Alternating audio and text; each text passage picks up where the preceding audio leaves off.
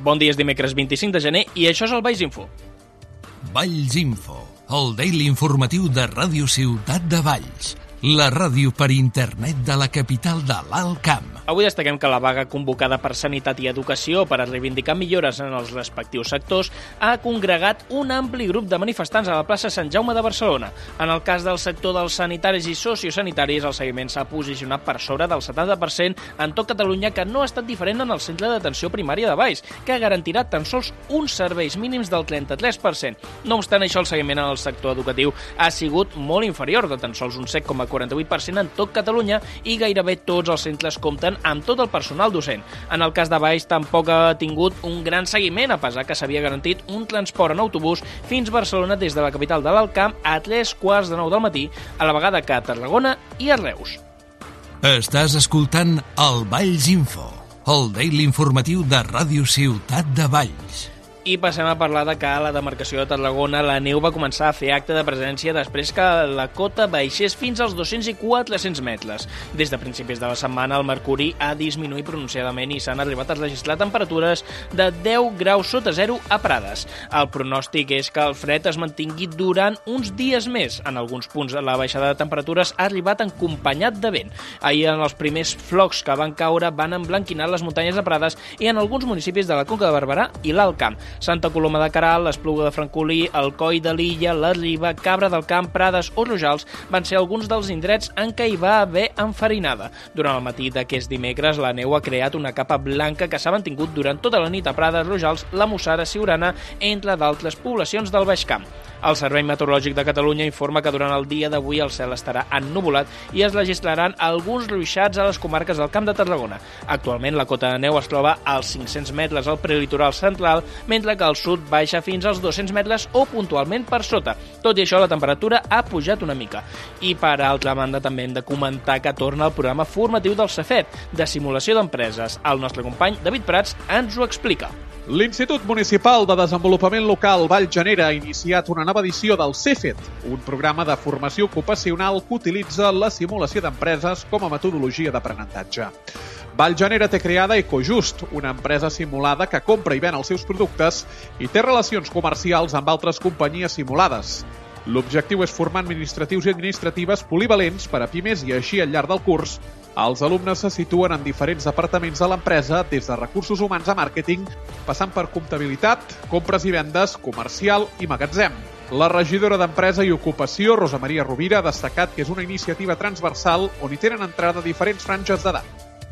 Nosaltres tenim alumne de tot tipus. Uh, alumne, persona que ha quedat amb atur, que vol canviar de perfil professional i s'integra amb això, com alumnes que ja tenien aquest perfil i volen millorar la seva competència perquè la millor estaven formats en un sector molt concret i l'empresa és dinàmica i per tant s'han de conèixer altres sectors i per tant s'incorporen al CEFET i eh, abarquem de totes les edats, des de gent jove a, gent de 50 i més. Un, un dels punts forts és també la transnacionalitat del projecte, que fomenta el comerç internacional en una xarxa mundial d'empreses simulades, per exemple, mitjançant la participació en estades a l'estranger per part d'alguns dels participants.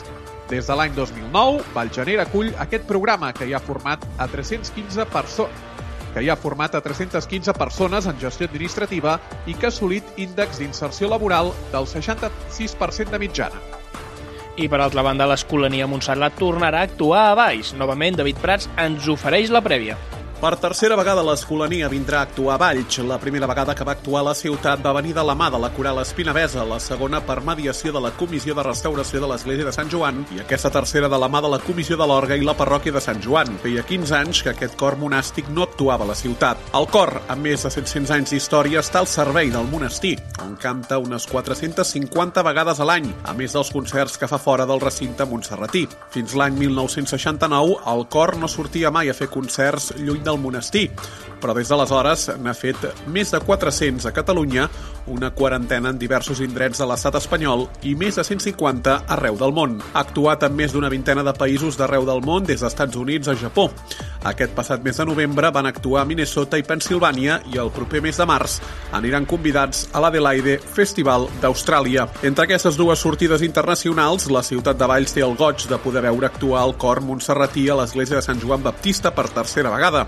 Actualment està dirigit per Llorenç Castelló i pel concert ballenc anirà acompanyat a l'orga per Mercè Sánchez. El programa del concert s'iniciarà amb una peça de cant gregorià i anirà avançant fent un recorregut al llarg del temps fins a arribar a una obra contemporània del compositor Bernat Vivancos.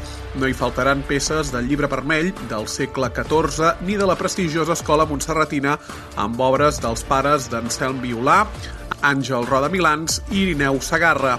Tampoc hi faltarà la coneguda peça de Pau Casals Nigrasum. Les entrades pel concert al preu de 20 euros es poden adquirir de forma anticipada a l'església de Sant Joan de dimarts a divendres, de dos quarts d'onze a dos quarts d'una del migdia i de 5 a 7 de la tarda i online a Code Tickets. També es podran adquirir el mateix dia del concert a les portes de l'església de Sant Joan.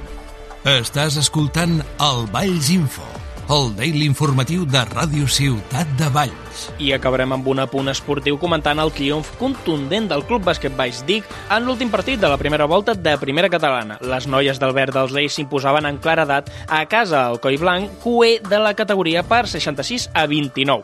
Després d'aquest maig, les jugadores blanquivermelles es mantenien cinquenes a la classificació amb 7 victòries i 5 derrotes. El seu proper enfrontament serà dissabte a les 6 de la tarda al pavelló Joana Ballar, davant l'Olesa, líder de la taula que ha guanyat els 12 partits que ha disputat. I fins aquí el Baix Info d'avui, dimecres 25 de gener. Recordem que podeu escoltar tota la nostra oferta de programes i podcast al nostre web baix.ladiciutat.com i seguir-nos a través de les nostres xarxes socials. Esperem que tingueu un bon dimecres i fins aviat! Valls Info. Disponible cada dia de dilluns a divendres a Ràdio Ciutat de Valls.